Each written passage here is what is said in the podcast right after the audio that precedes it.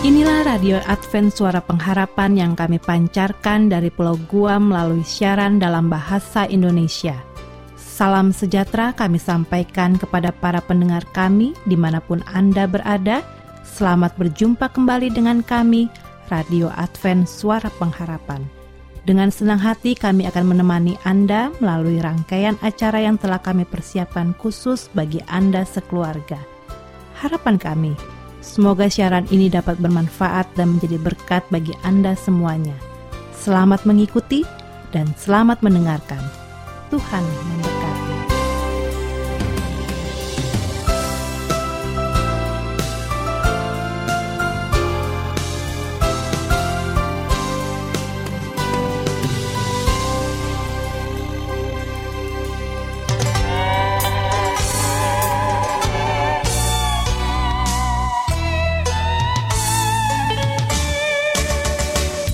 Pendengar Radio Advent Suara Pengharapan yang berbahagia, ruang remaja dan orang muda, kembali kami hadirkan untuk Anda saat ini.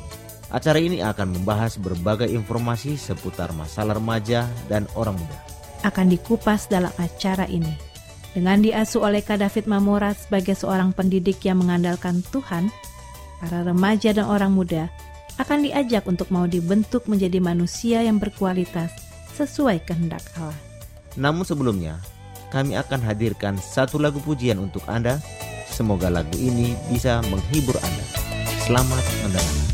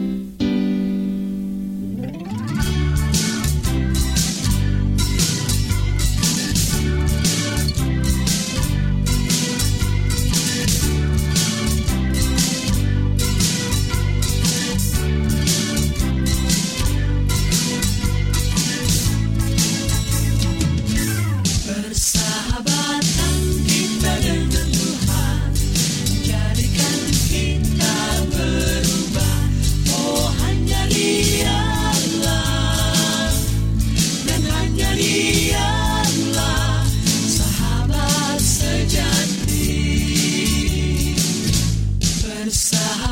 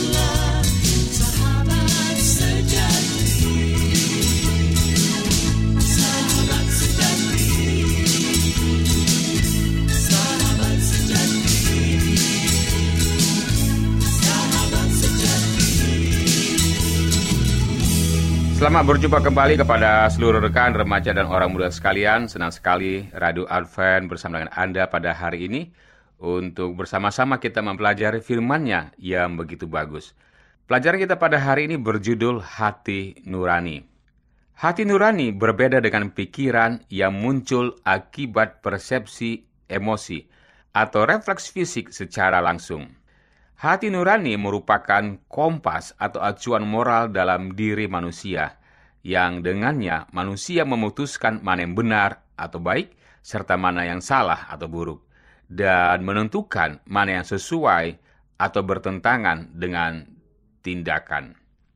Hati nurani berperan terutama saat kita mau mengambil sebuah keputusan dalam situasi yang konkret. Tuhan secara khusus memberi perhatian penting terhadap kondisi hati nurani manusia. Dia ingin hati nurani kita selalu murni, karena secara rohani hati nuranilah tempat rohnya berdiam dan firmannya tertanam. Paulus memberi sebuah ilustrasi dalam buku Kisah Para Rasul 26 ayat 9. Demikian, aku sendiri pernah menyangka bahwa aku harus keras bertindak menentang nama Yesus dari Nazaret. Seperti kita ketahui, wahyu yang turun kepadanya dalam perjalanan menuju Damsik mengubah penilaian dan keputusan hati nuraninya itu, sehingga memberinya sebuah prinsip baru yang dengannya dia bertindak. Remaja dan orang muda sekalian, agar hati nurani kita sendiri juga terjaga tetap benar, bersih, dan teguh, kita perlu memahami beberapa prinsip kebenaran tentangnya. Dengan berpegang pada prinsip-prinsip yang berdasarkan firman Tuhan ini, kita mempersembahkan hati nurani yang murni di hadapan Tuhan. Yang pertama adalah hati nurani bisa dipakai Tuhan seperti tercatat di dalam buku Mazmur 16 ayat 7, Aku memuji Tuhan yang telah memberi nasihat kepadaku. Iya, pada waktu malam hati nuraniku mengajari aku. Hati nurani kita sering dipakai oleh Tuhan guna menasihati dan mengajarkan kita. Setialah merenungkan firman Tuhan, lalu perhatikan setiap peringatan dan teguran yang muncul di hati nurani kita. Karena Firman ini merupakan dasar yang kuat bahwa suara hati nurani kita merupakan suara Tuhan. Kemudian yang kedua adalah hati nurani harus dijaga dan diajar terus-menerus. Setiap kita tentunya terikat untuk menaati hati nurani kita, dan itulah sebabnya kita harus menjaga agar hati nurani itu dipandu oleh prinsip-prinsip yang benar, yang bersifat mengajar dan tidak mengandung prasangka atau dibengkokkan oleh cara berpikir yang menyesatkan ataupun motivasi-motivasi yang tidak murni. Yang ketiga adalah, ingatlah bahwa hati nurani bisa lemah dan ternoda terus-menerus. Kita harus waspada bahwa hati nurani bisa lemah dan ternoda oleh nilai-nilai dunia dan kepalsuan duniawi. Jika kita lebih banyak ataupun sering memberi asupan yang duniawi kepada hati nurani kita, kondisinya pun perlahan-lahan akan menjadi makin kotor dan lemah. Seperti yang tertulis di dalam 1 Korintus 8 ayat 7, demikian. Dan oleh karena hati nurani mereka lemah, hati nurani mereka itu dinodai olehnya. Remaja dan orang muda sekalian, hasilnya akan tampak pada penilaian kita dalam berbagai perilaku salah atau buruk yang makin tidak terdeteksi. Kemudian yang keempat adalah hati nurani bisa menjadi kotor atau jahat. Karena itu, marilah kita menghadap Allah dengan hati yang tulus, ikhlas, dan keyakinan iman yang teguh. Oleh karena hati kita telah dibersihkan dari hati nurani yang jahat dan tubuh kita telah dibasuh dengan air yang murni. Seperti tertulis di dalam Ibrani 10 ayat 22. Dan yang kelima adalah hati nurani bisa disucikan oleh darah Kristus. Selain kita bertanggung jawab memberikan hati nurani kita dibersihkan oleh firman terus-menerus, Allah pun telah menyediakan jaminan pasti bagi kita agar kita memiliki hati nurani yang suci. Betapa lebihnya darah Kristus yang oleh roh yang kekal telah mempersembahkan dirinya sendiri kepada Allah sebagai persembahan yang tak bercacat akan menyucikan hati nurani kita dari perbuatan-perbuatan yang sia-sia supaya kita dapat beribadah kepada Allah yang hidup. Seperti yang tertulis di dalam buku Ibrani 9 ayat 14. Kemudian yang terakhir, yang keenam adalah dikatakan kerendahan hati adalah perisai bagi hati nurani. Remaja dan orang muda sekalian kita bisa membuka di dalam buku Yesaya 57 ayat 15 seperti berikut. Sebab beginilah firman yang maha tinggi dan yang maha mulia yang bersemayam untuk selamanya dan yang maha kudus namanya. Aku bersemayam di tempat tinggi dan di tempat kudus, tetapi juga bersama-sama yang remuk dan rendah hati untuk menghidupkan semangat orang-orang yang rendah hati dan untuk menghidupkan hati orang-orang yang remuk. Remaja dan orang muda sekalian, selama kita rendah hati, Tuhan bisa dan akan selalu bekerja atas nurani kita agar makin bersih, makin benar, dan makin berkenan di hadapannya. Marilah kita terus-menerus berpegang pada prinsip-prinsip ini. Dengan prinsip-prinsip ini kita dapat melekat dengan Tuhan dan senantiasa menjaga hati nurani kita tetap murni. Terima kasih.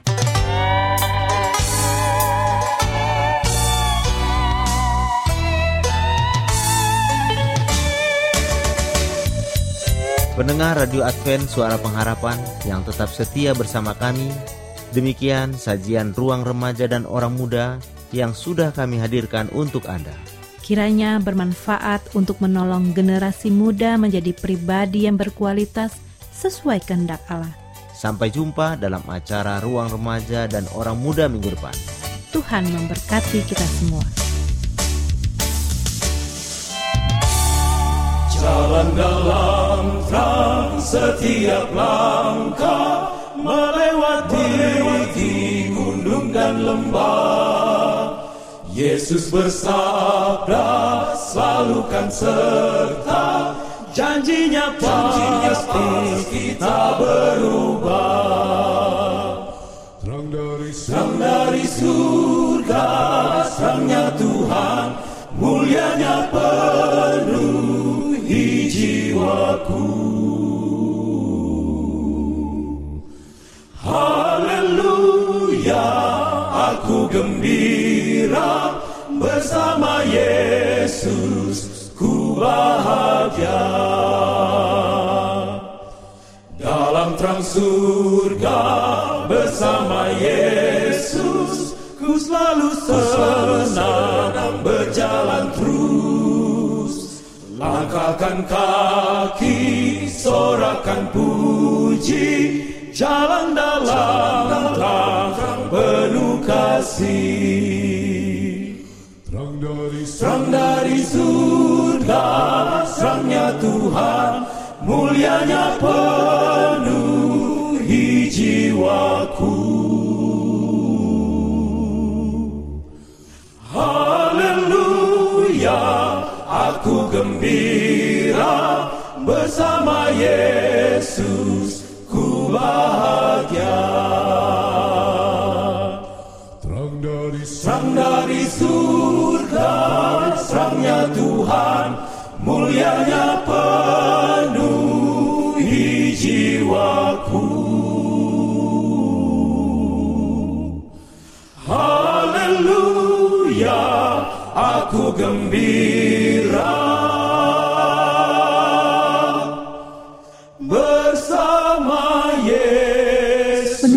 dikasihi Tuhan, di tahun ke-35 pelayanan AWR Indonesia, kisah dan kesaksian pendengar terkait siaran dan pelayanan audio kami terus-menerus dikompilasi.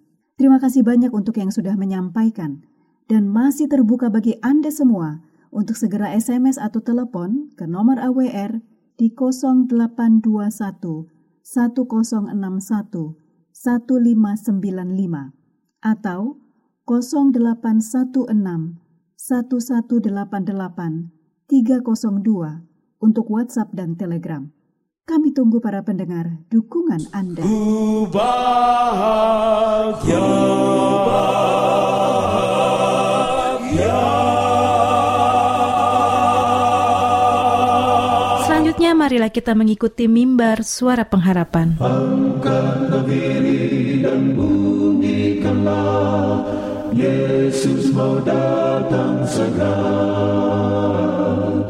Nyanyi musafir dan pujikanlah.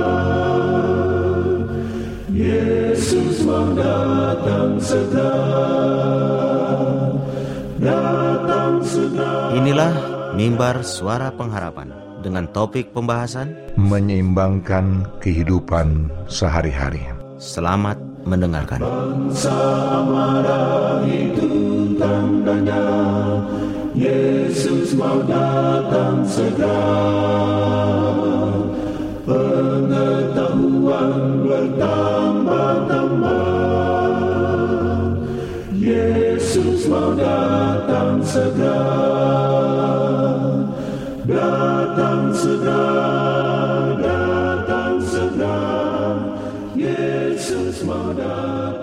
Salam saudaraku yang diberkati Tuhan, kita bersyukur karena saat ini kita diberikan kesempatan oleh Tuhan untuk mendengarkan firman Tuhan dalam acara mimbar suara pengharapan bersama saya Pendeta Toga Simanjuntak dengan judul pembahasan kita menyeimbangkan kehidupan sehari-hari. Mari kita buka firman Tuhan dari Ibrani pasal 13 ayat yang kelima. Firman Tuhan berbicara, Janganlah kamu menjadi hamba uang dan cukupkanlah dirimu dengan apa yang ada padamu. Karena Allah telah berfirman, Aku sekali-kali tidak akan membiarkan engkau dan aku sekali-kali tidak akan meninggalkan engkau. Saudara-saudara, mengapa Tuhan mengatakan jangan kamu sekali-kali menjadi hamba uang dan selalu mencukupkan diri? Karena manusia umumnya tidak pernah puas dengan keadaan dirinya. Tidak pernah puas. Selalu mencari-cari apa yang lebih daripada kebutuhan dia. Sehingga keinginannya tidak pernah terpenuhi. Karena selalu mencari dan mencari. Nah dalam kehidupan ini ada satu keseimbangan yang penting yang perlu kita lihat. Sebagaimana firman Tuhan katakan dalam Ibrani 13 ayat 5. Agar kita jangan menjadi hamba uang karena Tuhan sudah memberikan kita kecukupan akan apa kebutuhan kita. Keseimbangannya adalah, mari kita mencari Tuhan dalam kehidupan kita, maka Tuhan akan memberikan kepada kita apa kebutuhan kita. Saudaraku, ada satu cerita, di saat pergantian tahun ajar sekolah, diminta agar pimpinan sekolah menjadwal saya sebagai pengajar pada hari Rabu hingga Jumat saja. Otomatis permintaan ini mengakibatkan jam mengajar saya di sekolah berkurang cukup banyak. Yang akhirnya juga berkibat pada penurunan penghasilan saya sebagai guru honorer yang dibayar dengan hitungan jumlah jam mengajar atau jumlah kelas yang diajar saat setiap harinya. Permintaan saya diajukan karena saya mulai menggarap berapa proyek penulisan dan membantu pekerjaan saudara saya sebuah instansi. Saya menyadari Bila pekerjaan saya sebagai guru tidak dikurangi, maka satu di antara pekerjaan itu, itu bakal ada yang terbengkalai. Itu yang menjadi beban dalam ilustrasi ini bagaimana harusnya mengajar saya dari Senin sampai Jumat, tapi kalau dikurangi hanya uh, Rabu kami coba tiga hari akan mengurangi jam mengajar dan mengurangi honor juga. Saudara-saudara, mengurangi pekerjaan bukanlah sesuatu yang mudah, terlebih ketika kita tahu bahwa pekerjaan itu mendatangkan uang. Biasanya, kita bekerja lebih banyak untuk mendapatkan uang lebih banyak. Padahal manusia memiliki keterbatasan. Tidak baik bila energi dipompa terus-menerus untuk bekerja. Ada bagian dalam kehidupan yang harus dikurangi untuk menyeimbangkan kehidupan kita. Kita perlu asupan rohani dan jiwa nih seperti ibadah. Merenungkan Tuhan dan juga perlu mengadakan waktu untuk berpiknik atau bertamasya, menghabiskan waktu bersama senang dengan orang yang kita kasih, sama dengan keluarga. Dalam ayat yang kita baca hari ini, pengkhotbah mengajak kita bekerja sekuat tenaga. Tapi tidak boleh lupa bahwa kita perlu menikmati hidup dan selalu bersuka cita. Nah, menikmati hidup itu adalah mungkin pada akhir pekan atau waktu libur, kita bersama-sama dengan keluarga. Bila kita percaya bahwa Tuhan melihara kita, maka rezeki kita tidak akan berkurang. Bahkan jikalau kita mendalami dan menguasai dengan baik pekerjaan kita, sehingga menemukan peluang-peluang baru, maka suatu saat hasilnya semalah akan terus meningkat, bukan berkurang. Lalu menjadi pekerja kasih itu baik, namun ketika kita menghilang kesempatan untuk memberikan yang terbaik bersenang-senang dalam segala pekerjaan, juga mengabaikan kesehatan diri sendiri atau orang-orang sekitar kita dengan ujung-ujungnya sekedar menumpuk uang apa gunanya. Kadangkala perlu juga kita mengurangi sebuah pekerjaan demi melakukan sesuatu yang lain yang bisa menjadi peluang-peluang baru bagi kita. Nah, ketika saya sadari bahwa saya dikurangi jam mengajar tersebut, memang dari segi nilai ekonomi ada pengurangan penghasilan, tetapi, saudaraku, ada satu efek positif yang saya dapatkan karena saya begitu sibuk menyelesaikan karya tulis dan juga membantu akan keluarga. Dan sering saya kadang-kala tidak cukup waktu karena jarak waktu mengajar. Maka setelah saya jam mengajar berkurang saya merasakan ada satu keseimbangan antara aktivitas saya sehari-hari lalu ke bagaimana saya pun juga pola kehidupan makan saya juga tidur saya juga akan lebih, jadi lebih baik. Yang selama ini kadang-kadang suka larut malam makan juga kadang suka terlambat. Nah so sudah saya dan mengenal satu keluarga di mana ayahnya bekerja sangat keras. Usia suaminya ini masih usia 45 tahun. Awal-awal usaha mereka cukup pesat maju. Mereka buka usaha perbengkelan, ya lalu salon, ya katanya kosmetik itu sebagai macam mana. Nah, saya melihat bahwa keluarga ini begitu hebat penghasilannya dari bengkel mobil, motor, dan juga dari salon tersebut. Sampai-sampai suaminya jam makannya suka terlambat dan sampai-sampai juga suaminya juga selalu ke pulang malam. Nah, kemudian saya bertanya, kapan waktu istirahatmu? Kapan waktu makanmu? Ah, bisa lah itu pendeta nantilah, gampang lah itu hilang. Jangan, kamu akan sakit nanti. Percaya. Dan sakit itu tidak main-main, saya bilang. Bisa sampai parah. Tapi dia tidak peduli. Nah, saudara, dalam satu tahun setelah saya sampaikan itu, tiba-tiba terdengar dia sudah kena ada satu penyakit yang parah, itu lever, dan juga ada kena di paru-parunya. Akibatnya apa? Dia harus berobat terus-menerus, berobat terus-menerus, menghabiskan dana mereka, uang mereka. Dan mereka pun laki lama makin sibuk mengenal pengobatannya. Dan sang suami juga makin hari badannya makin kecil, makin kurus. Dan saudaraku, dengan seizin Tuhan, maka sang bapak yang muda ini pun akhirnya meninggal meninggal meninggalkan istri dan tiga orang anak. Nah, saudara bisa bayangkan anak masih kecil-kecil, sementara penghasilan hanya paling dari salon yang diusaha oleh istrinya. Nah, inilah saudaraku, karena kita tidak membuat satu keseimbangan antara pekerjaan, antara istirahat, makan, belajar dengan Tuhan, besar sama Tuhan, menyediakan waktu bagi Tuhan. Ini tidak ada keseimbangan bagi kita. Kita selalu berfokus hanya untuk kepentingan diri sendiri. Nah, saudara, dalam situasi apa pun, ya, marilah kita selalu belajar untuk membuat satu keseimbangan kehidupan. Jangan berburu ya menjadi hamba uang. Jangan jadi uang itu yang memonitor kita. Jangan jadi uang itu yang mengatur kehidupan kita. Tapi biarlah kita mengatur akan uang itu untuk memenuhi kebutuhan kita. Mana yang bisa kita pakai, mana yang bisa tidak. Nah, saudaraku saat ini Tentunya Anda harus melatih diri untuk keseimbangan antara fisik, mental, spiritual, dan juga aktivitas saudara sehari-hari, ya, supaya Anda bisa mendapatkan kesehatan yang prima. Jika Anda mau doakan ataupun ada hal-hal mau tanyakan, hubungi kami di tim pelayanan mimbar suara pengharapan. Dengan kasih Tuhan Yesus, kami selalu berdoa dan mengajak saudara selalu tetap setia kepadanya. Doa ini kami mohonkan dalam nama Kristus yang mengasihi kita semuanya. Shalom saudaraku. Amin.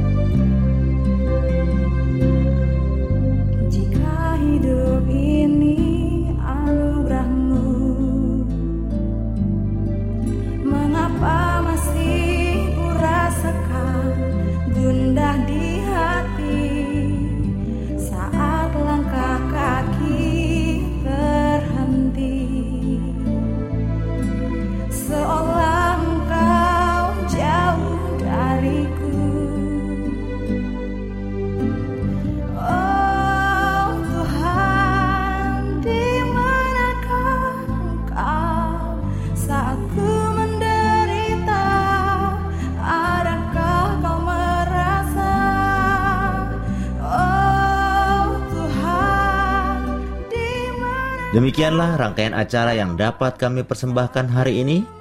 Dan apabila Anda mempunyai pertanyaan atau ingin mendapat pelajaran Alkitab penemuan baru, silahkan menghubungi kami, mengirimkan surat ke alamat Radio Advent Suara Pengharapan. PO Box 8090 Jakarta 12810 Indonesia. Anda juga dapat menghubungi kami melalui telepon atau SMS di nomor 0821 1061 1595 atau Anda dapat menulis di email kami awrindonesia@yahoo.co.id. Anda juga dapat bergabung di Facebook kami, pendengar Radio Advent Suara Pengharapan. Terima kasih kami ucapkan bagi Anda semua pendengar kami yang setia. Kita akan berjumpa kembali pada waktu dan gelombang yang sama esok hari. Salam kasih dan sejahtera. Kiranya Tuhan memberkati kita semua.